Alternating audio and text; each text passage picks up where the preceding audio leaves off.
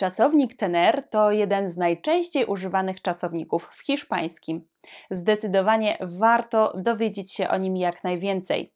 Właśnie dlatego zapraszam Cię na dzisiejszą lekcję.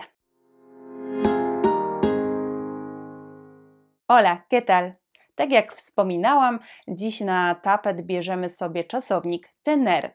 Zajmiemy się nim w taki sposób, aby każdy początkujący estudiante miał go w jednym paluszku.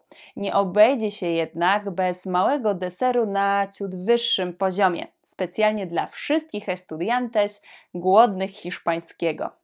Zanim zaczniemy, przy okazji kolejny już raz chciałabym podziękować wszystkim widzom, którzy mają już moją książkę do nauki podstaw hiszpańskiej gramatyki. Pojawiło się na jej temat mnóstwo ciepłych słów, co bardzo, bardzo mnie cieszy. Super, że książka już Wam pomaga i sprawia tyle radości. Sama chętnie skorzystałabym z niej na początku mojej przygody z hiszpańskim.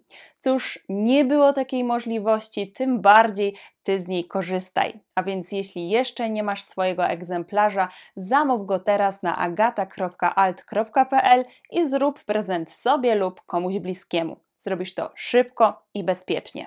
A teraz bierzemy się za nasz czasownik tener. Przede wszystkim poznamy jego odmianę. Najważniejsza to oczywiście czas teraźniejszy.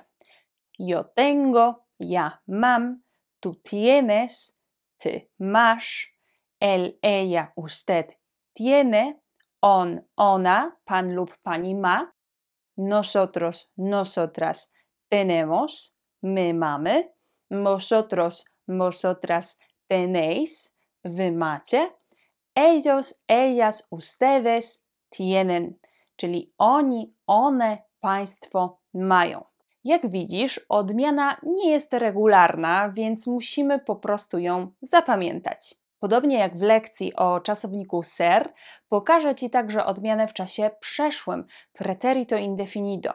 To już y, trochę wyższa szkoła jazdy przy nauce od zera, e, tym bardziej, że tener to wyjątek, ale ta odmiana z pewnością przyda Ci się nawet na tak wczesnym etapie nauki. Odmiana w preterito indefinido. Tuve, tuviste, tuvo, tuvimos, tuvisteis, tuvieron zaszalejmy i dodajmy sobie jeszcze odmianę w czasie preterito imperfecto. Tutaj teoretycznie tener jest regularny, ale problematyczna może okazać się w tym przypadku wymowa. Trzeba pamiętać, że przy odmianie w imperfecto czasownik tener ma długie, akcentowane i, a zatem tenía, tenías, tenía, teníamos, teníais, tenían. Jak widzisz, pierwsza i trzecia osoba liczby pojedynczej jest identyczna. To bardzo charakterystyczne właśnie dla czasu imperfecto. Więcej o nim mówię na zupełnie oddzielnej lekcji, zostawię Ci link w opisie. Wracając jednak do wymowy, źle akcentowane i w odmianie może zmienić nam znaczenie słowa. Tenía oznacza miałem, miałam, miał lub miała, ale tenia oznacza tasiemiec. Także uważaj, tenia i tenia to dwie różne rzeczy. Aby każdy mój estudiante mógł przetrenować sobie ten temat nieco dokładniej, do lekcji przygotowałam specjalny PDF z zadaniami. Do pobrania oczywiście zupełnie za darmo ze strony agatauczy.pl łamane na skarby. Hasło dostępu do tej strony znają wszyscy, którzy zapisani są na mój newsletter. Link do zapisu na newsletter zostawiam w opisie. Część praktyczna to niezwykle ważny element nauki, także nie zapomnij o tym. Tener używamy oczywiście do wyrażania posiadania czegoś, na przykład tengo dos coches, mam dwa samochody, albo no tenemos preguntas, nie mamy pytań ale istnieje także szereg zwrotów, w których wykorzystujemy tener też do wyrażenia czegoś zupełnie innego. No i dla nas, Polaków, te wyrażenia mogą być e, nieco mylące. Spójrz, tener hambre to być głodnym, dosłownie mieć głód. Mis gatos tienen hambre. Moje koty są głodne. Tener sed. Chcieć się pić. ¿Quieres beber algo? Chcesz coś do picia? No, no tengo sed. Nie, nie chce mi się pić. Tener miedo. Bać się. No tengas miedo. Mi perro no muerde. Nie bój się, mój pies nie gryzie. Tener calor. Odczuwać gorąco. Siempre cuando estoy en tu casa tengo calor. Zawsze, kiedy jestem u ciebie w domu, jest mi gorąco. Tener frío.